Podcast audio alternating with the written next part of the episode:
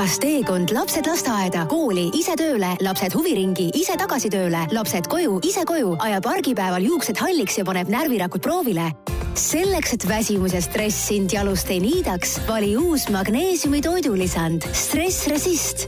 tänase Pere ja Kodu podcasti toob teieni Magne B6 Stress Resist nii tere hommikust või hoopis tere päevast või tere õhtust, kallis kuulaja, ema, isa, lapsevanem, kes iganes sa meid kuulad see on Pere ja Kodu podcast ja mina olen saatejuht Tanel Jeppinen ja täna on siis meil stuudios äh,.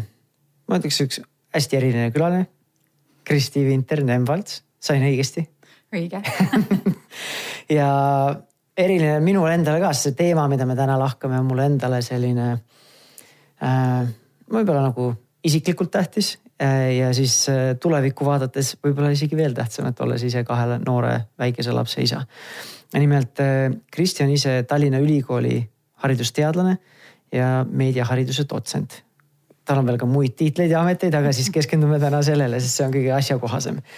Ähm, sai enam-vähem kõik oluline öeldud või tahad sa ise midagi lisada, Kristi? no ma arvan, et kõik oluline on ja millest me siis täna nagu, äh, see teemapüstitus, millest me räägime, on siis need nutiseadmed. ja mis see siis mis siis nii-öelda meie lastega teeb või kuidas siis sellesse üldse suhestuda lapsevanemaga, et on see siis nii-öelda see vaenlane, on see siis see, see tulevik, et me peaksime lapsi siis nagu suunama nendesse või kus selle vahel balanssi leida ja kõik muud selle teemaga seotud nii-öelda küsimused, mis meil siis täna üles, ülesse tulevad. sest äh, ma arvan, et nagu väga paljud lapsevanemad, mul on endal selline tunne, et nagu, et ei saa nagu ilma selle nutiseadmeteta ka aga kuna meil on väikesed lapsed, siis me proovime seda piirata, aga tegelikult ei oskagi nagu öelda, mis siis see õige on. ma ei tea, kas sina nüüd, Kristi, oskad öelda, mis täpselt see sajaprotsendine absoluutne tõde on, aga me vähemalt saame nendel teemadel arutleda. et on võib-olla mingid mõtteained siis, mida võib-olla koduseinte vahel omavahel rääkida. no ma loodan. jah, äh, ma tegelikult eetriväliselt me lobisesime kõigest muust, aga oled sa ise ka lapsevanem?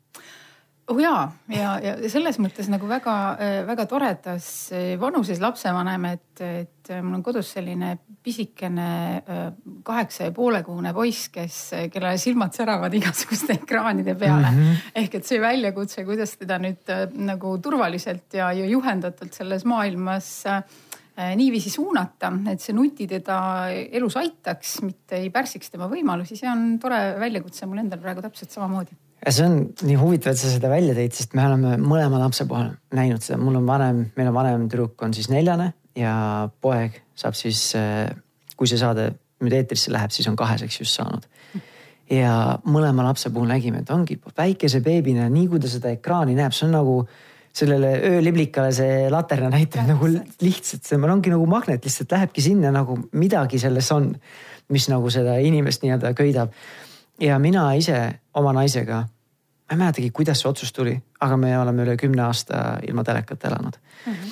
ja nüüd täiskasvanud inimesena ka, kui ma lähen külla ja telekas käib, ma lihtsalt olen nagu ära lõigatud sellest vestlust, ma nagu lihtsalt silm kogu aeg läheb sinna telekasse. isegi kui ma lähen vanematele külla jõulude ajal ja tuleb see visahing, mida ma olen kakskümmend korda võib-olla varem näinud, ikkagi tahad vaadata seda asja näha. et midagi nagu toimub, mingid protsessid toimuvad, miks me nagu miks see tõmbab, võib-olla olen ainukene mina selline, aga võib-olla mitte, ma ei tea. Ma arvan, et ei, mitte ma ei arva, vaid ma tean, et kindlasti mitte, sest tegelikult äh, noh, nutivahendi võib-olla see, mis meid selle pahupoole juurde juhatab, ongi seesama, et on ülivõimas vahelesegaja meie elus. ja see tegelikult äh, hakib meie, meie elu ikkagi üsna korralikult äh, ära ja, ja, ja vähendab ka tegelikult meie sellist nagu produktiivsust või, või noh, kui, kui väga suurte sõnadega öelda, siis edukust elus mm. -hmm.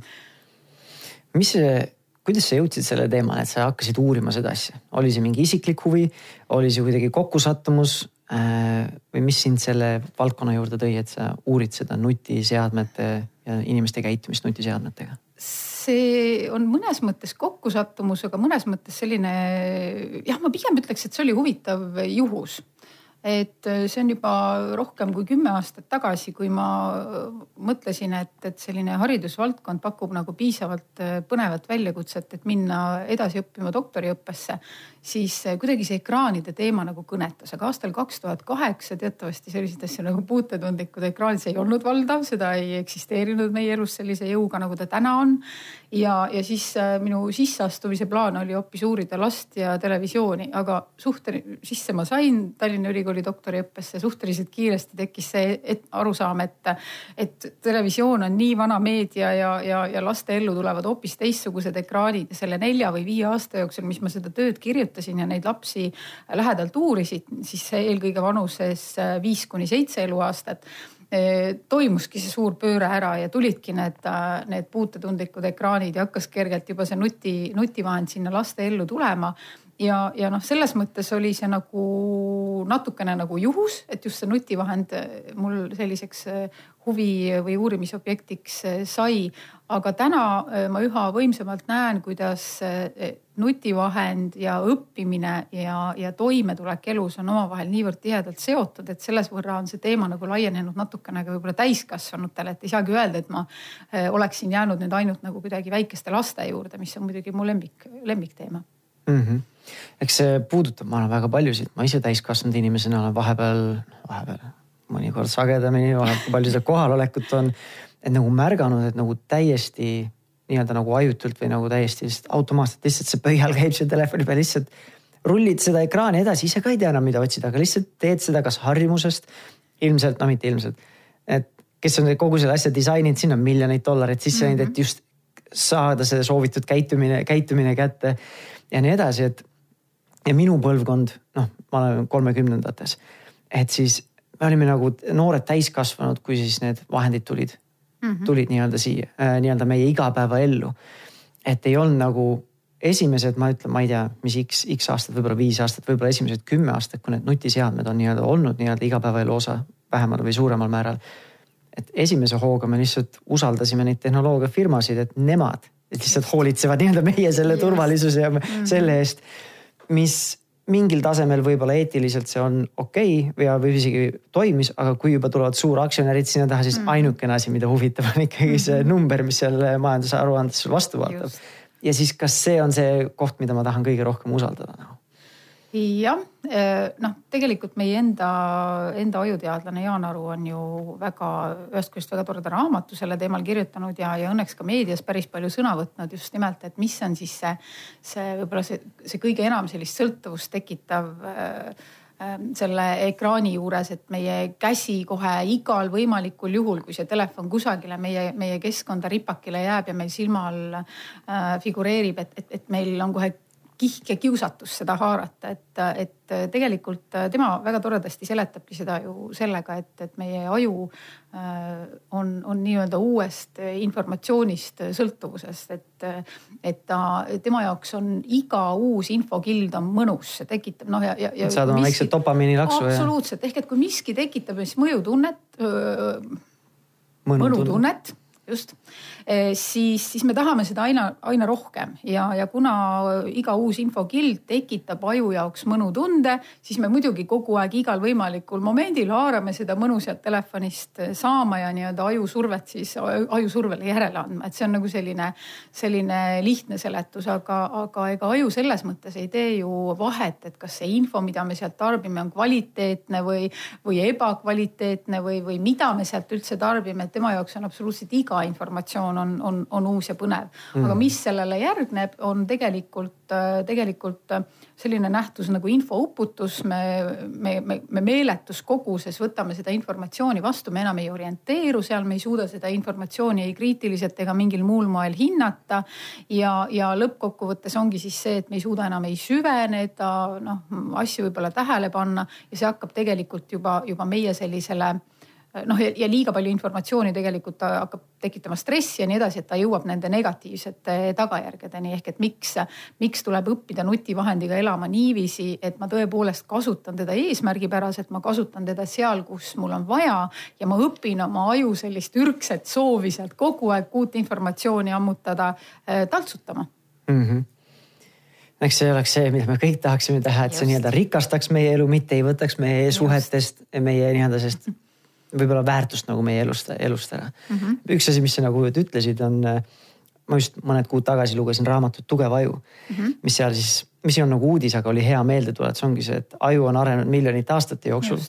noh, kui me usume evolutsiooni ja et siis see tehnoloogia on olnud sellest mingi väga väike murdosa sekund, kui me võtame, et see aju areng, ütleme, on kakskümmend neli tundi pikk, kui me hakkasime olema inimahvid ja nii edasi mm. -hmm. et kahekümne neljast tunnist, ütleme, kui on üks ööpäev see aju arenenud, siis see tehnoloogia, see nutiseadmed on mingi mega väike murdosa sekundist mm -hmm. on seal, et see aju lihtsalt ei olegi aju ka ei ole suutnud kohaneda nende muutustega, mis meie ümber on toimunud nagu.. absoluutselt ja see ongi nagu äh,, nagu päris äh, huvitav jälgida, kuidas eriti siin ütleme viis aastat tagasi oli, oli selline diskussioon nagu hästi aktuaalne, et, et tänased lapsed ja noored on nagu väga palju muutunud, et nad on nagu suutelised mitut asja korraga tegema ja multitask ima ja noh, just see digitaalne multitask imine või, või rööprähklemine mm, -hmm. eks ju, et. et noh, et see ongi norm, et, et ühes käes on telefon ja teisega, ma ei tea, õpitakse ja kõik jääb meelde ja kõik tuleb nii hästi välja, eks ole, ja kui, kui palju nad veel jõuavad kõike. et, et tegelikult see on selline jälle sihukene mm, noh, kuidas ma siis ütlen, niisugune nagu äh, naiivne enesepettus, et, et tegelikult see laste aju äh, ei, ei, ei ole noh, selle, selle digirevolutsiooniga ei ole see aju areng sugugi kaasa tulnud, eks ole, ja see on, see on ka täiesti mõistetav, arvestades noh, needsamad äh, numbrid ja, ja, ja mõtted, mis sa siin välja käisid, eks ju. et, et tegelikult meie aju ei suuda selles kõrgtehnoloogilises maailmas nende kiiruste, nende andmevoogudega, massiividega toime tulla. ja, ja need lapsed on tegelikult sama abitud selles maailmas kui, kui me ise sest et noh, mida see liigne infovoog teeb, ta sõna otseses mõttes nii-öelda kuumendab meie, meie aju üle ja me noh, me oleme pinnapealsemad kõikides oma tegevustes, me ei süvene, me ei, me ei võta infot enam nagu piisava sügavuse ja kriitilisuse astmega vastu ja nii ongi ilmselt saab vaadata seda ka, kuidas ongi see nutiseadmed ja sotsiaal, sotsiaalmeedia on isegi suhteid nii-öelda teinud rohkem oh, pinnapealsemaks. absoluutselt. aga kui sa ütlesid, et, et lapsed on samamoodi selles, et mulle isegi tundub, võib-olla lapsed on isegi nagu haavatavamad selle suhtes, sest esiteks nad ei oska neid asju perspektiivi ja konteksti panna, nii nagu mina täiskasvanu võiksin osata, ma ei tea, kas ma oskan nagu alati. ja isegi aju tasemel ka ju, et ajukoormis vastutab sagedasti otsuse tegemise eest mm, -hmm. kogu selle äh, impulsi reguleerimise eest ja nii edasi, et ega väikelapsel, isegi teismelisel, see ei ole veel lõpuni välja arenenud, et tal ei ole isegi võib-olla bioloogiliselt seda võimekust anda, et isegi reguleerida seda absoluutselt nõus ja, ja, ja noh, siin tulebki mängu seesama ajuareng, mis on ju esimesel, esimesel kolmel elu, eluaastal hästi intensiivne, sealt edasi kuni kahekümne esimese eluaastani võib öelda ka, et ajuareng on hästi intensiivne. aga kui me võtame sinna kõrvale ühe sellise komplekti oskusi, mis väga otseselt seostub ka sellega, et kui osavad me oleme nagu ennast nutimaailmas kontrollima, siis need ongi sellised asjad nagu enesekontrolli oskused ja võimed ja, ja need enesekontrolli oskused on, on, on sellised asjad, mis, mis, mida on võimalik arendada maast madalast. Aga noh, ka nende selline küpsus saabub umbes, umbes samal ajal, kui selle valdkonnaga on piisavalt tegeletud, kui, kui see ajuküpsus ehk siis kuskil seal kahekümnendate alguses ja, ja, ja noh, seal muidugi muutubki see lapsevanema või täiskasvanu roll hästi oluliseks, et noh, öeldakse seda, et noh, mis enesekontroll on, enesekontroll on, eks ju, impulsi tagasihoidmine ja, ja arukama käitumise valik. et enne neljandat eluaastat me ei saagi lastelt seda nõuda, et siis ongi täpselt see koht, kus täiskasvanu. nõuda me saame, aga kas see on kõige õigem? see ei ole eakohane, eks ole, see ei ole absoluutselt eakohane ja me võimegi jääda seda, seda nii-öelda sealt lapselt ootama ja eeldama, aga, aga see ei ole, see ei ole arenguliselt eakohane, eks ole. aga sealt edasi tegelikult juba, juba juba saab saab seda täiesti arendada ja, ja ütleme niiviisi, et mida rohkem me neid lapsel neid selliseid enesekontrolli oskusi, noh, aitame tal õppida eh, või õpetame talle strateegiaid, kuidas nagu tasu, tasu edasi lükata ja noh, et mitte kohe nagu haarata kõigi järele või et, et noh, ma ei ma ei ütle kohe välja, mis mulle sülg suhu toob, vaid ma mõtlen ja annan aruka vastuse ja noh, umbes, umbes seda liini selliseid oskusi õpetades me tegelikult täiesti varjatult, täiesti vaikimisi õpetame talle ka oskusi, mis aitavad tal nutivahendit äh, oma elus kontrollida. aga see ei ole ainus asi, et üks, üks mm, oluline selline vanema roll selle juures on veel, et vanem äh, saab lisaks siis sellistele nagu äh, reeglite või kokkulepete kehtestamisele, noh ka, ka näiteks see, et, et millal me nutivahendit kasutame peres, millal me seda ei kasuta. ja, ja, ja just nimelt, et, et ka ise eeskuju andes sinna kõrvale veel, veel luua keskkonda või kujundada keskkonda, kus see nutivahend ei ole kõige olulisemal kohal perekonnas. et noh, ei ole niiviisi, et me istume, ma ei tea, elutoas näiteks. kõige kesksemal kohal on, on mingisugune, ma ei tea, diivanilaud ja kõikide nutitelefonid seal plingivad ja vibreerivad seal laua peal kogu aeg ja siis me eeldame, et me ise kuidagi, teades, et meie aju on nagu hullus infonäljas kogu aeg või tahab endale seda mõnutunnet tekitada, ei haara nende telefonide järele ja noh, lapsed siis veel rohkem, eks ole. ehk et me peaks kujundama selle keskkonna selliseks, et see nutivahend ei oleks seal kesksel kohal ja võib-olla leppima kokku näiteks, et lastetuba ei olegi see koht, kuhu need nutivahendid satuvad, eks ole, et seal tehakse teistsuguseid asju. seal mängitakse teistsuguseid mänge, seal õpitakse äh, ilma selle nutisõbrata, et arvutiga võib-olla küll, aga ilma selle, selle nutisõbrata, eks. et, äh, et selles mõttes äh, seal on just see täiskasvanu roll hästi oluline, et tema peab äh, koos lapsega tegema reeglid ise neid järgima, jälgima, et laps neid järgiks, et laps ise seda väga hästi ei suuda. pluss kujundama keskkonna selliseks, et see ei oleks liiga atraktiivne. eks see on see võtmekoht jah, et, et üks no see keskkonna on väga oluline, aga see võtmekoht ongi see, et ise järgida neid enda ees, seda, mida sa nagu ootad oma lapselt. kui ma ise ütleme väikse beebiga, siis kussutan oma väikest last kogu aeg põhjal käib kogu aeg Facebookis on ju. et siis nagu enne kui laps juba aru saab, ta nagu et see on see, mis käes käib kogu aeg, see on see, mis peab käes olema nagu.. ja just. E, siin mulle meenub äh, lihtsalt äh, võib-olla repliigi korras, aga ma arvan, et see on oluline, et siin ähm, üks kuu-poolteist tagasi äh, Tartu Ülikooli eestvedamisel ja paljude toetajate mm, toel siis sai kokku Eesti laste nutitarbimise sellised uurimistulemused EU Kids Online kaks tuhat kaheksateist. Mhm.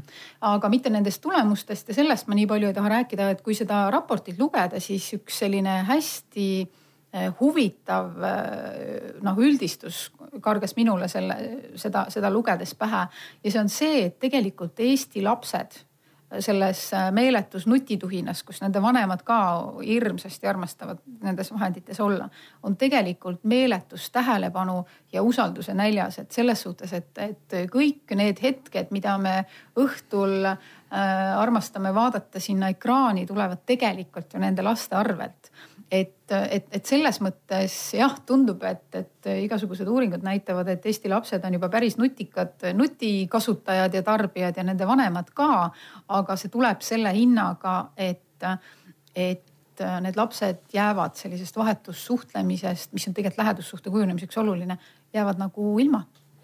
et see ei ole selline nagu otsene mõju nutiseadmetele, aga kaudne mõju, et see. just et ma olen lihtsalt selles nutiseadmes või selle ekraani ees lihtsalt mis muu jääb selle, selle pärast tegemata. just ja ka see, et, et noh, isegi lapsevanem, kes noh, ühe käega seal, ma ei tea, scroll ibki oma mingisugust ma ei tea, Facebooki newsfeed'i või siis chatib või..., chatib just või Instagrami või chatib seal kellegagi ükskõik millises kanalis.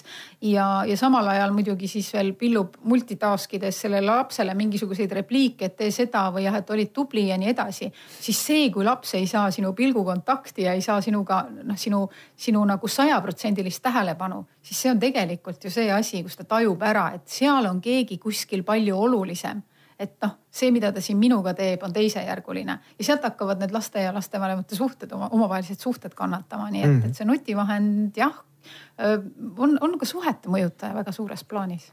ma arvan, et kui me lapsevanematega räägime, siis ükski vanem ei ütle, et samal ajal kui ma siin Instagramis olen, et siis see on tähtsam kui laps. aga tähtis, tähtis ei olegi võib-olla see, et millist sõnumit mina tahan edasi anda, vaid see, milline sõnum lapsele kohale jõuab. täpselt, et mille tema sellest vastu võtab, eks ole, et just nimelt see, see poole pilguga ekraanis, poole pilguga lapse näost, noh, see on poole vinnaga kasvatamine mm. -hmm. no lõpus võib-olla, kui meil on aega, siis tuleme tagasi ka, et mida siis selle juures teha Mm -hmm. nende nutiseadmete juures, aga üks asi, mis käis läbi siin ongi see, et kujundama keskkonda selliselt, et ta toetaks neid kas põhiväärtusi või neid piire, mida sa siis tahad oma peres, peres panna paika. ma olen ise kuskil inglisekeelses podcast'is ka kuulanud, kuidas neljaliikmeline pere äh, ütlebki, istuvad kogu aeg õhtusöögilauas, aga siis see viies pere on kõige olulisem, kus, mida kõik vaatavad nagu. pere mm -hmm. nii-öelda see pere peas mingi Just. telekas, kõik vaatavad seda telekat, mis sealt tuleb nagu. ja, ja selle kohta, kuna mul endal on see uni ja une teema hästi oluline, siis Jaan Aru, keda sa juba mainisid, siis tema ongi uurinud ka une, une teemat ja kuidas nii-öelda ekraanid üldse seda mõjutavad. et üks sama USA autor, keda ma olen lugenud siis tema on öelnud ka, et lihtsalt kõige parem asi, mida saad teha une kvaliteedi jaoks või üks parimaid asju, et võtad telekas ja nutiseadmed magamistoast välja. sest enne magamaminekut ära vaata seda sinist helendavat ekraani või siis ära rulli oma seda, seda uudistevoogu või mis iganes. et, et kohand, lihtsalt kohanda oma keskkonda nii, et see toetaks sind, sest kui me alati ootame tahtejõule, siis mina ei tea, võib-olla ma olen ainukene, aga mul vahepeal see tahtejõud ikka veab alt ikka tuleb see. üks asi tahtejõud, teine lihtsalt harjumused on juba sees, võtad selle telefoni ja lased seda lihtsalt sellepärast, et oli igav. ma ei oska lihtsalt igavusega muud moodi toime tulla, ma pean mingit stiimulit saama. Nagu. et eh, koha, kohanda või muuda oma keskkonda. aga räägime nüüd natukene sellest, mis see siis nutiseade ise siis teeb, et sa oled siin-seal natuke eetriväliselt rääkisime, siin-sealt on mingid asjad juba läbi kõlanud. et need suhted on, võivad pinnapealsed mm -hmm. olla, üldse kõik asjad võivad pinnapealsemad mm -hmm. olla. kuskil siit-sealt ma olen kuulnud ka, et on see tähelepanu, äh, seda keskendumisvõimet võib see mõjutada. et mis siis nende viimase aja uuringutes just nüüd, mis on lapsevanema kontekstis nagu oluline teada, mis sellised viimase aja sellised avastamised on või midagi, mida siis lapsevanem peaks teadma või millest võiks teadlik olla? mis puutub siis nutiseadmetesse, nende kasutusse ja just laste, laste puhul? noh jah, et ega, ega selles mõttes seda, seda uut teadmist on ju viimasel ajal päris palju tekkinud ja kõige huvitavam ongi see, et me ei saa rääkida sellisest nagu nagu nutivaldkonna uuringutest eraldi, vaid pigem ma julgeks öelda, et praegu on üldse sellises äh, ka nagu õppimise äh, maailmas väga jõulised sellised neuro ja ajuteadus annab, äh, annab nagu tooni. ja, ja, ja ilmselgelt need sellised ähm, uusimad teadmised sellest valdkonnast äh, tulevadki ja noh, tõesti, me siin ühte, ühte ja teist oleme juba, juba puudutanud. aga noh, mida vanem võiks teada, on, on kindlasti see, et, et, et maast madalast peaks lapsel püüdma sellist äh, Äh, digitaalse rööprähklemise harjumust kuidagi eemal hoidma, et, et noh, et üks selline väga hea reegel, seesama äh, äh, sellise tähelepanuhäirete ja, ja, ja muu sellise asja vastu nii täiskasvanutel kui lastel on, on just nimelt see, et, et tee üks asi korraga. Ja, ja üks asi korraga just nimelt selles mõttes, et, et püüa sellel ajal, kui sa teed mingisugust äh, keskendumist nõudvat tööd või, või mingit, täidad mingisugust ülesannet, noh, see võib olla isegi, ma ei tea, see võib olla söögi tegemine, see võib olla mingi selline, selline esmapilgul nagu lihtne asi, aga eelkõige siis, kui su, kui sa pead tegema, ma ei tea, koolitöid näiteks või, või kui sinu töö nõuab kriitilist mõtlemist, et siis püüa keskenduda maksimaalselt ainult sellele, sellele tegevusele. et see on nagu üks asi mis, mis kindlasti toetab sellises digiküllases maailmas nagu toimetamist. Ja, ja noh, et, et eks neid ähm, selliseid ähm, ekraanist lahti lülitamise äh, mõtteid on ju teisigi, et noh, et mida on hakatud nüüd äh, selle äh, digimaailma pöörasuse või, või intensiivsuse tasakaalustamiseks ka väga ähm, noh, isegi jõuliselt soovitama, on igasugused sellised meditatsiooniharjutused, mis, mis aitavad sellest pöörasest infotulvast ennast lahti ühendada ja, ja, ja noh, kui, kui võtta, et mis meil Eestis siin selline hea hea alternatiiv sellele on, on ju need vaikuseminutid mm, -hmm. eks ole, et, et mis, mis aitavad kuidagi siis tasakaalustada seda, seda nutipöörasust infotulva, eks ole. et, et sellised äh, asjad on kindlasti need, millega saab ähm, seda, seda maailma kuidagi siis tasakaalus hoida mm. -hmm.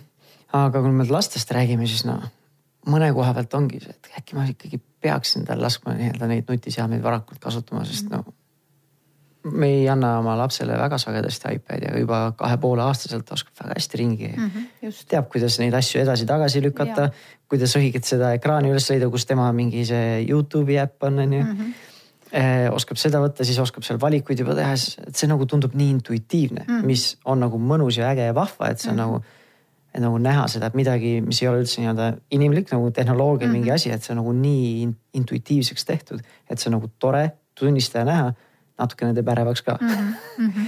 aga et kus siis seda piiri teha, kui sa ütlesid, et see õppimine ja see nutiteadus või nutiseadmete uurimine käib nagu käsikäes, et mm. -hmm no, no tegelikult äh, ma ei oleks äh, võib-olla üldse selle, selle ekraanimaailmaga nii radikaalne, et ütleks, et noh, et, et peitke kõik need ekraanid nende väikeste laste eest ära ja tulge alles seal kuskil siis, kui ta kooli hakkab minema või noh, okei okay,, noh kolmandal eluaastal äh, nendega lagedale, et, et see päris nii ei ole. et aga, et seal on üks tingimus ja see tingimus on see, et, et kui see nutivahend sinna lapse kätte satub, siis tegelikult arendavaks ja harivaks muutub ta siis, kui seal kõrval on täiskasvanu kes hmm., mida väiksem laps, seda rohkem peab olema see nutimaailm tema jaoks nagu reeglistatud ja võib-olla täiskasvanu tähelepanuga nagu, nagu mehitatud, eks ole, et, et kui, kui laps seal näiteks mõnda mängu mängib või mõnda videot vaatab, et sellele võiks ja peaks alati järgnema siis täiskasvanuga sellel teemal, ma ei tea, vestlemine näiteks. ja, ja noh, loomulikult peab vaatama seda, et, et see nutivahend ei satuks noh, ma ei tea, pikkadeks tundideks selle lapse kätte, kus ta siis äh, valimatult seal ringi surfab ja teeb, mis tal, mis talle nagu pähe tuleb, et.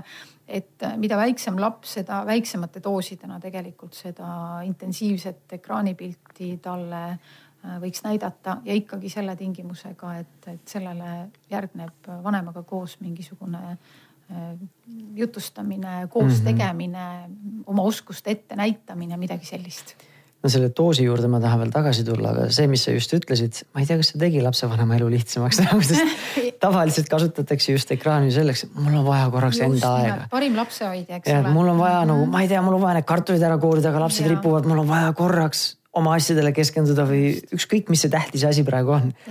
et nüüd, kui ma, kui sa ütled, et aga Kristi ütles, et ma pean nüüd äh, ise seal kõrval, ma ei saa neid kartuleid koorida, kui ma pean keskenduma ja vaatama ja, ja. lobisema temaga sellel ajal ja nii edasi, et. ma selles suhtes, äh, ma ei soovita jah sellel ajal lobiseda, et see on täpselt sama nagu okay. ega me ei saa ju filmi ka tõlkida lapsele, et oi, mis seal kõik oli. et see on ikkagi niiviisi, et kui te panete selle lapse kusagile sinna endale lähedale näiteks selle nutivahendiga toimetama ja, ja annate talle, võtate endale näiteks seal, ma ei tea, viisteist või kakskümmend minutit mm. -hmm ja lähete pärast sinna juurde ja räägite pärast nendest asjadest ja vaatate pärast koos neid asju, siis, siis ühesõnaga see, see teie puudutus peab sellele asjale juurde tulema, see ei pea tähendama seda, et te seal nii-öelda loete teksti peale, eks ju, siis te rikute enda jaoks selle kogemuse ära ja lapse jaoks ka ja tegelikult ei, ei, ei tule sellest midagi välja, et jah, see päris sellist, et annan lapsele nutivahendi ja siis hoian tal käest kinni, et, et päris seda see ei tähenda. aga nüüd on seesama rööprähklemine, ma vaatan tema seda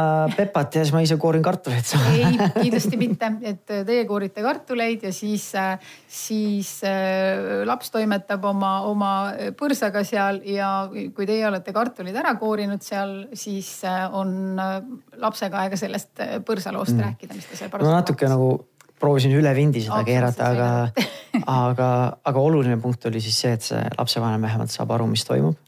mis seal, mis seal, mis seal toimub, mida ta vaatab. isegi oma väikese nelja-aastase tüdrukuga, et vahepeal, et nagu lapse see emotsionaalne maailm on hoopis teistsugune et tegelikult isegi tavaline multikas võib lapse nagu täiesti nii-öelda pöördesse ajada, et meil on, vaatasime mingit multikat, mis ma pärast, kui ma vaatasin järgi, et nagu ma ei tea, et ta ei olnud ilmselt eakohane mm. -hmm. aga siis laps läks endast nii välja, sest mm -hmm. midagi väga kurba juhtus tema jaoks mm, -hmm. mis seal lihtsalt läht-, mindi kiiresti üle. mingi näide, näide, mis see näide oli, et seal mingid teod olid seal ja ühel teol ei olnud äh, karpi seljas mm. -hmm. ja siis teised narrisid teda ja ta läks endast nii välja, et ma oli nagu mul läks, mul läks ikka tükk aega, peaaegu tund aega, et laps maha rahustada mm. -hmm. et ta võttis nii hinge seda, et teisel ei olnud ja miks temal ei olnud seda, miks teised narrisid ja nii edasi. et lihtsalt nagu on väike nii-öelda isiklik näide, et ongi, et, et ole teadlik, mis seal toimub, sest mõnikord võib-olla see reaktsioon ei tule niimoodi välja. absoluutselt ja, ja, ja seal on veel üks, üks boonus äh, selle juures, et kui me maast madalast harjume lapsega tema nutikogemusest rääkima äh,, siis see see kujuneb selliseks nagu loomulikuks harjumuseks. noh, harjumuste kujundamine on ju, on ju hästi oluline, sellepärast et me teame, kui võimsalt harjumused meie elu mõjutavad ja kui keeruline on neist vabaneda, eks ju. ja kui me oleme maast madalast kujundanud lapsega sellise nutikogemusest rääkimise harjumuse, siis, siis ta tuleb nendest nutikogemustest rääkima ka siis, kui ta näeb seal midagi, mida ta ei mõista kui talle satub seal ette mingisugust infot või midagi sellist, mis on noh, mis on ohtlik näiteks. või ei ole eakohane. või ei ole eakohane, eks ole. et äh, kui me eeldame ja ootame seda, et näiteks selline varateismeline, kellega me ei ole mitte kunagi sellest maailmast rääkinud ja, ja, ja kui ta nüüd satub, ma ei tea, küberkiusamise ohvriks, et siis ta tuleb meile seda rääkima, siis me oleme jällegi nagu väga naiivsed. natuke et, rongist maas. absoluutselt, ehk siis on hilja, aga kui me oleme seda maast madalast teinud, siis on üsna normaalne, et, et see laps tuleb seda tegema ja muidugi me peame seejuures ennast nagu taltsutama ka, et siis mitte, mitte üle reageerida, et see jääb tema viimaseks, viimaseks meile võib-olla mõne sellise infokillu jagamiseks, mis noh, mis võib meid isegi nagu häirida ja ärritada, eks ole. et, et jah, et sellel äh, nutikogemusest rääkimise harjumuse kujundamisel on nagu hästi palju kasutegureid. noh ja rääkimata sellest, et äh, suhte loomine lapsega, suhte hoidmine lapsega, eks ole -hmm. mis, mis on ju ka oluline. mis peaks olema kõige alus. No. Aga räägime sellest doosist siis, sest see on ju mm, -hmm. me mhm. tahame lapsevanematena kõik, ütle mulle see number et mis ja, see õige ma... on. ütle mulle see õige number, siis ma saan ja. sellest kinni pidada, et mm. -hmm. aga on seal mingeid selliseid, on mingit pinda, mingit pinda seal all ka, et ma saan öelda, et umbes sellises vanuses mm -hmm. võiks olla, no sa ütlesid ennem ka, et see doos, mida noorem, seda vähem võiks Just. see doos olla, aga on mingid numbrilised asjad, millest natukenegi haakuda või luua endale sellist nagu raamistikku sinna ümber eks ikka on mingisuguseid numbreid välja pakutud erinevate, erinevate spetsialistide poolt ja, ja noh, neid on nagu kitsamaid ja konkreetsemaid ja natukene laiemaid. aga noh, üldiselt äh, on, on tõesti olnud pigem nagu see soovitus, et äh, sellised alla kolmeaastased lapsed, noh nad ei jää oma arengus mitte millestki ilma, kui nad ei puutu üldse ekraanidega kokku, eks ole, või siis on need kokkupuuted hästi minimaalsed ja pigem vanema kõrvalt ja, ja sinna võib-olla põgusalt kiigates et, et, et nende puhul soovitatakse siis mitte nagu ekraaniga neid liiga kokku viia kuskil kolmandast eluaastast kuni seal seitsmenda eluaastani. Öeldakse, et, et sellist eelkõige just meelelahutuslikku sisu noh, päeva peale kokku laps maksimaalselt võiks tarbida seal kuskil tunni jagu noh, ja sealt edasi siis jällegi ja, ja noh, ta on natuke seotud ka siis selle just selle aju arengu intensiivse perioodiga, et sealt edasi siis kuni tegelikult praktiliselt üldhariduskooli lõpuni sellist lihtsalt pelgalt võib-olla meelelahutust ja eriti veel madalakvaliteedilist meelelahutust tarbida siis mitte üle kahe tunni, et see ei hakkaks kuidagi seda lapse arengut ja, ja edenemist pärssima, et, et need on nagu need numbrid aga kui nüüd. Äh, kas see meelelahutus, sinna läheb siis nagu teleka vaatamine, kas telekas on samamoodi meelelahutuslik, kas ma vaatan mingit Youtube'i? noh, telefonist nüüd saab ka vaadata, saad Netflixi ükskõik mida vaadata telekast või telefonist, vahet ei ole. no põhimõtteliselt võiks nagu, võiks nagu rääkida nagu ekraanist, sest noh, paljude inimeste jaoks täna see nuti nagu toobki kõik need erinevad ekraanid ju kokku, eks ole, et, et, et äh, nutitelefon või siis tahvel, eks ju. või nutitelekas on ka. nuti või nutitelekas, et ei ole just, ühesõnaga ekraan on selles mõttes võib-olla kõige parem selline mm. sõna äh, sellest, sellest rääkida jah, et, et umbes sellistesse, sellistesse piiridesse see võiks jääda ja see on just meelelahutuslik. just meelelahutuslik. õppimine käib, loen e-raamatut täpselt, see on hoopis teine teema ja, ja noh, tegelikult seda liigkasutust loetaksegi niiviisi, et on nagu äh, selline aktiivne kasutamine kus sa siis sõna otseses mõttes sealt otsid informatsiooni või mm -hmm. näiteks noh, on ju küll neid näiteid, kus, kus Youtube'i abil keegi õpib mingi täiesti uue, uue oskuse selgeks, ma ei tea, õpib kitarri mängima või mida tahes, on ju, et ehk et, et tema, tema enda aju sellel ajal õpib või on sellises nii-öelda noh, just nimelt aktiivses õppimisprotsessis, et ta ei surfa seal suvaliselt mingisuguses infovoos, mille, millel ta tegelikult eesmärki ei ole, miks ta seal on või mis ta seal teeb ja, ja, ja sellisel juhul need, need numbrid kindlasti ei ole sellised, ma ei tea, tund ja kaks mm -hmm. tundi, et noh, et ütle üheksateist või kahe, kaheksateist aastasele, et kuule, et sa päevas umbes nagu kaks tundi tohid seda teha, eks, et kõlab nagu jaburalt ja, ja kooli, koolitöid arvestades ka kindlasti mitte, aga just nimelt pigem sellise, sellise meelelahutusliku sisu jaoks ja, ja, ja selline no mitte nagu liiga sellist äh, aju või mõtlemise, ütleme siis pigem mõtlemise sekkumist nõudva äh, infoga tegelemine mm. -hmm. ma tahaks korraks uurida ka veel, et kuidas siis meie aju käitub, kui me oleme selle nutiseadme sees mm. -hmm. aga enne ma tahaks tagasi tulla ühe teema juurde, millest me üle läksime, on siis see äh, rööprähklemine mm. -hmm. näiteks mulle meeldib kuulata podcast'e, kui ma mhm. tegelen, ma ei tea, jooksen näiteks lindi peal kuskil või siis teen trenni või siis mõnikord ongi koorin kartuleid podcast peas, pesen nõusid, noh, ma ei tee neid kumbagi ülisagedasti, aga ma vahepeal teen neid mm. -hmm. ja siis panen, tahangi nagu selle asja nagu pähe panna. just nagu rööprähklemise eesmärgil, et ma ei taha, et see aeg raisku läheks noh mm. -hmm ma saan aru, mõnes mõttes just ongi see, et ma ei võta aega, et iseendaga koos olla, vaadata mm -hmm. enda sisse mm -hmm. sel hetkel.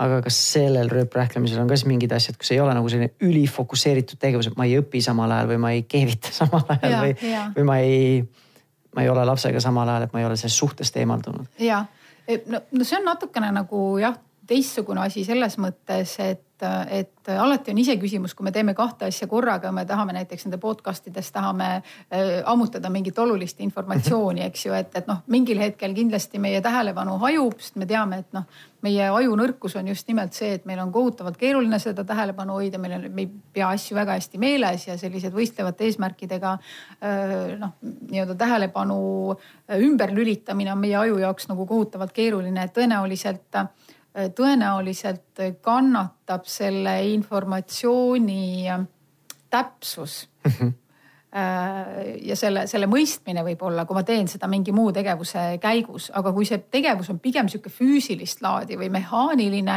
noh siis ta ilmselgelt ei noh, ei, ei muuda seda füüsilise tegevuse kvaliteeti, eks ole. et pigem ongi nagu küsimus selles, et kui ma teen mingisugust sellist, täidan mingisugust sellist ülesannet, mis nõuab sinna juurde ka, ka oluliselt nagu oma mõistuse kasutamist või mõtlemist, eks ole.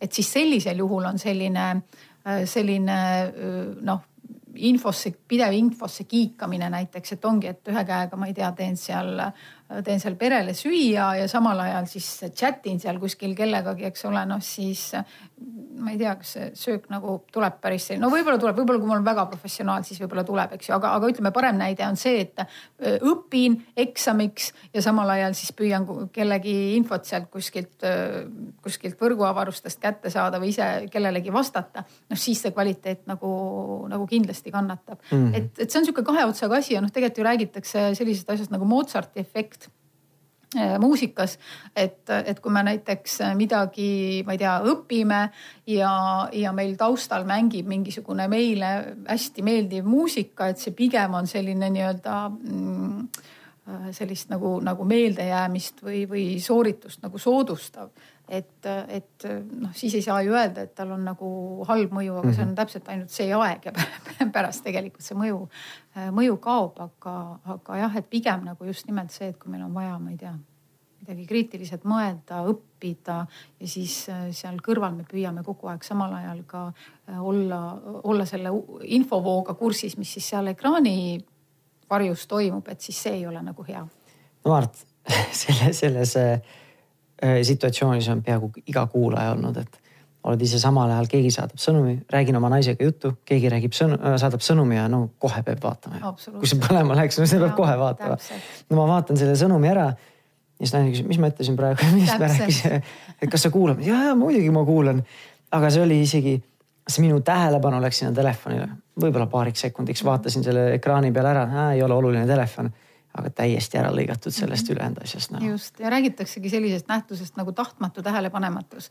et ja, ja, ja noh, ja, ja tähelepanu on selles mõttes hästi-hästi habras meil, et ja, ja miks võib-olla seda telefoni või nutivahendit loetaksegi kõige, kõige noh, võimsamaks vahelesegajaks, et piisab sellest blinkimisest või sellest väikesest vibreerimisest ja, ja, ja tegelikult noh, kus seda on eriti hea tähele panna, ongi siis, kui on, kui on kuskil rahvamass koos ja ma ei tea, inimesed koosolekul või, või kuskil noh, ütleme, on mingi nõupidamine, inimestel on seal telefonid, ma ei tea, laua peal, kellel taskus, kellel kotis ja siis äh, isegi kõigil, kui on, kui sul on viisakalt heli maha keeratud või ja, ja keegi seda ei kuule, siis piisab sellest vibreerimisest ja häiritud ei ole ja tähelepanu sellelt, mis seal ruumis näiteks toimub, ei lähe ära mitte ainult sinul vaid tegelikult kõikidel inimestel seal ümberkaudu, sest et äh, tihtilugu ei kraba oma telefoni järele mitte, üldse mitte ainult see inimene, kelle telefon seda häält tegi, vaid, vaid kogu see seltskond, kes seal ümber on mm, -hmm. eks mhm. ole. ja see ongi see hetk, kus meil tekib infolünk või kus me tegelikult ei ole enam asja juures.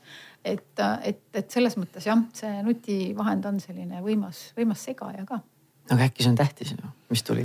Äkki see on tähtis, äkki see on eluliselt tähtis, no just nimelt, et Ei. no, et, et me oleme iseendale selle foobia tekitanud, et tõenäoliselt tuleb mul elutöö pakkumine siis, kui, kui ma praegu ei vaata sellesse. Ja, ja, ja teisest küljest on näiteks äh,, näiteks äh, noh, kui me, kui me teame, et see ei ole mõistlik, et ma selle telefoni praegu võtan siis kuskile kuklasse jääb ikka see mhm. tunne, et kes see nüüd oli, huvitav, kas mhm. kodus on midagi halvasti või kellegagi juhtus seal midagi. ja sa hakkad või siis vastupidi, et aa või, või, või äkki nüüd on nagu noh, ongi see mingisugune hästi oluline informatsioon, et, et selles mõttes tegelikult ei jää elu seisma, mitte midagi ei juhtu, et kõige nutikam on tegelikult nendeks koosolekute ja tähtsate kohtumiste ja, ja ma ei tea, perekoosolekute või pere koosolemise aegadeks võtta ikkagi ka see vibreerimine maha, sellepärast et no, see on tema hull.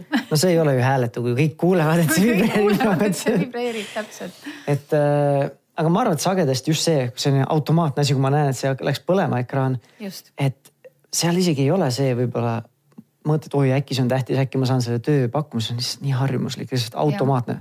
tuleb stiimul, ma pean selle reageerima. see nii-öelda ongi see harjumuse see asi, et tuleb Just. stiimul, siis ma pean mingi reaktsiooni saama, nüüd ma saan rahuldatud, mu uudishimu saab rahuldatud või mis iganes. ja, ja, ja miks ongi nagu hea soovitus see, et aga muuda keskkonda, võtta ära need, äh, need sinna ekraani ette tulevad mm, -hmm. need äh, mis iganes teated, eks ju. pane üldse telefon ära kuskile. ja, või siis teine asi, et isegi kui need teated sinna tulevad, siis nad ei pea sinna tulema selle heliga, et ta kohe läheb see ekraan valgeks, vaid nad võivad sinna kõik ilusasti tulla ja siis, kui ma võtan selle hetke või selle aja, et, et nende asjadega või selle infoga tegeleda, mis sinna sisse on tulnud, noh siis ma näen sealt pealt, mis asjad on need, need olulised asjad, eks ole. ehk et me tegelikult võidame meeletult aega sellega, kui me kogu aeg ei, ei, ei surfa selles ähm, võib-olla siis isegi nagu tühjas infosisus, vaid, vaid võtame selleks spetsiaalselt mingisuguse hetke, et sellega tegeleda. ja, ja noh, nii, nii ta paraku on. sest oleme oma ajaga efektiivsemad natukene ka, et suudame keskenduda sellele, mis on, et see tähelepanu ei hüppa.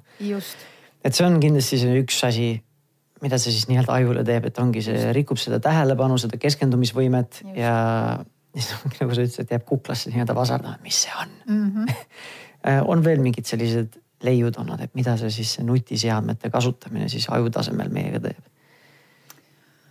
ohoo, millest peale selle ilmselt korraks käis läbi meil see, et saad dopamiini selle laksu kätte sealt on ju. siis on äh, tähele, tähelepanu hajub. ei suuda võib-olla keskenduda. on mingeid asju veel, mis on olnud? noh, eks, eks nad jõuavad kõik enam-vähem nendesse mm,, nendesse mõtetesse välja, aga, aga et mida, mida ta mida ta meie ajuga teeb. täitsa mõtlen, et millest me ei ole veel rääkinud, et nad, nad pigem nagu jõuavad jah, selle ütleme meie sellise, meie sellist tõhusat toimimist ja funktsioneerimist häirivate asjadeni alati välja, et noh, et me teeme midagi pikemat aega, kui me teeksime ilma selle vahendita, me teeme noh midagi madalama kvaliteediga, kui me teeksime ilma selle vahendi sekkumiseta, eks ole. et äh, et, et selles plaanis ma arvan, et need ongi need, need niisugused põhiaspektid, et meie, meie ürgne aju äh, on selliste piirangutega, et äh, meil on seda tähelepanu keeruline hoida ja ta röövib seda tähelepanu ebasobivatel hetkedel, meil on, me ei suuda infot äh, hoida detailselt äh, mälus, eks ole, ja jällegi, kui see telefon sekkub hetkedel, kus me oleme mingisuguse infoga tegelemas või püüame midagi meelde jätta, siis see info kaob ja, ja seesama rööprähklemise teema, nii et ma arvan, et tegelikult need on võib-olla need põhi, aga, aga nad on selline vundament, mis ühest või teisest tegevusest, ükskõik, me jõuame alati sinnasamasse kohta välja, nii et, et äh, jah, pigem selline, selline nutikas digivahendiga toimetamine keskkonnas ja nutikate kokkulepete tegemine äh, selle nutivahendiga toimimiseks on võib-olla see, mis teeb meid õnnelikumaks, tõhusamaks ja nii edasi, sest et liiga palju informatsiooni ja liiga palju nutivahendi kasutamist viib, viib ka meie stressitaseme üles, nii et kui me tahame sihukest ra suuremat rahulolu oma elus, siis äh, ärme kühvelda seal, seal mhm. tühjas infos nii palju ilmselt nagu sa ütlesid, see, see ajuteadus ja siis see nutiseadmete uurimine on käinud käsikäes, et ega -hmm. nutiseadmeid tegelikult noh, me ei saa neid eraldada kõikidest nendest muudest asjadest, millega see kaasa toob, ongi seesama see sotsiaalmeedia Just. kasutus. ja kui sõltuvust tekitav üks või teine on ja, ja nii edasi, et kui sa rääkisid stressist, et siis ongi seal igalt poolt ongi see sotsiaalmeedia toob omaette jälle ohud ja mm, omaette nii-öelda need riskid, riskikäitumised, sõltuvuse tekkimised ja kõik sellega kaasnev küll depressiooni nähtused ja nii edasi. et äh, selline mõnus väljakutse, mis meie siis põlvkonnale või meie ühiskonnale on siis antud, mille eest me peame nagu mingil määral pioneeridena siis mm -hmm. proovime ära lahendada selliselt, et nagu sa hästi ütlesid alguses, et see rikastaks meie kogemust ja elu, mitte ei rööviks sellest siis nii-öelda seda kvaliteeti või väärtust.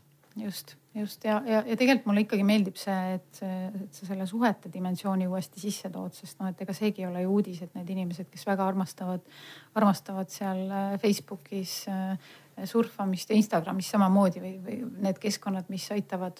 Tinder või? aitavad või Tinder just, mis hoiavad meid kuidagi teiste eluga kursis ja, ja. no see ei hoia võib-olla kursis, aga. nojah, aga, aga, aga nii-öelda eh, neid näitavad teiste elu highlight'e ja, ja, ja, ja tekitavad tunde, et meie elu on seal kõrval nii igav ja hall, et noh, et ka see on jällegi tilk sellesse karikasse, mis meid tegelikult meie rahulolu endaga ja oma eluga ju vähendab, et, et selles mõttes see selline sellised aktiivsed. jah, see võrdlemine kindlasti on üks faktor selliste depressiiv, depressiivsete nii-öelda nähtustega, mis on seotud nutiseadmetega sotsiaalmeediatega, et no.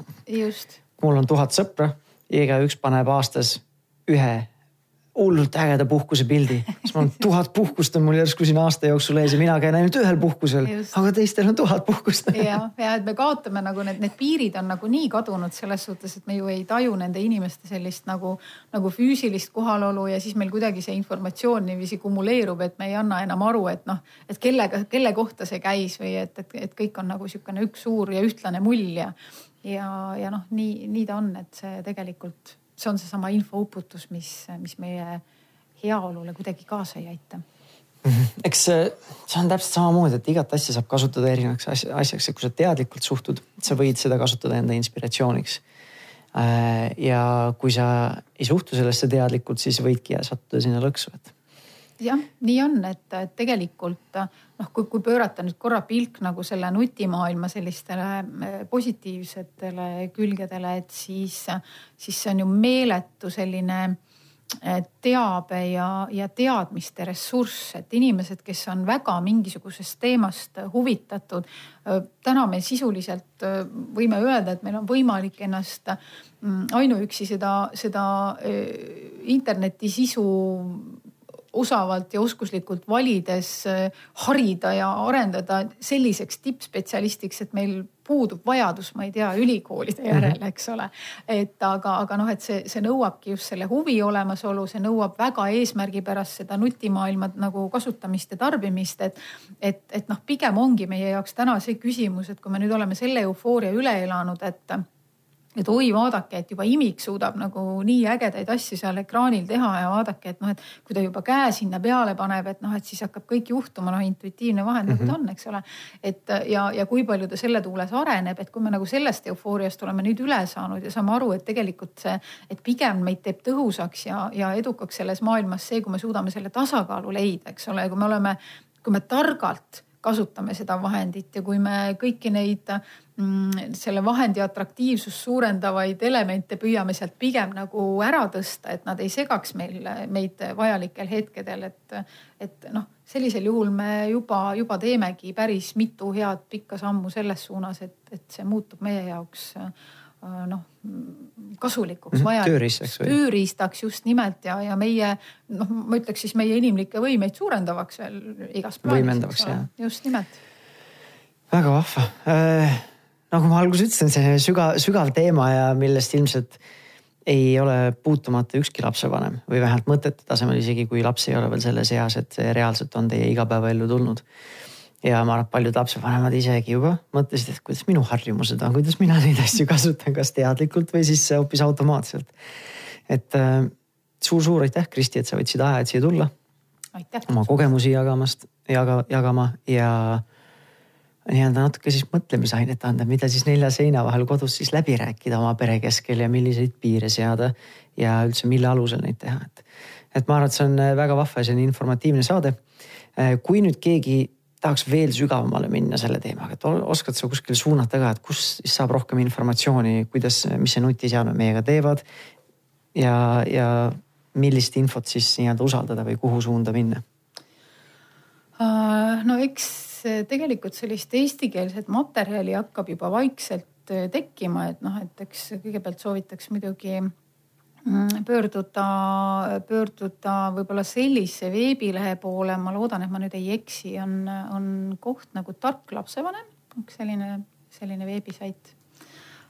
et see on päris kindlasti üks tark vanem on tark üks. vanem, vot, vot, vot, vot, vot seesama tark vanem, et seal on see digiteema täiesti äh, ilusasti ära puudutatud e,. siis äh, võib-olla, mida ma soovitaks väga äh, lugeda lapsevanematel ja just eriti selliste väikeste laste vanematel on siin juba eelnevalt mainitud äh, Jaan Aru raamatut äh,.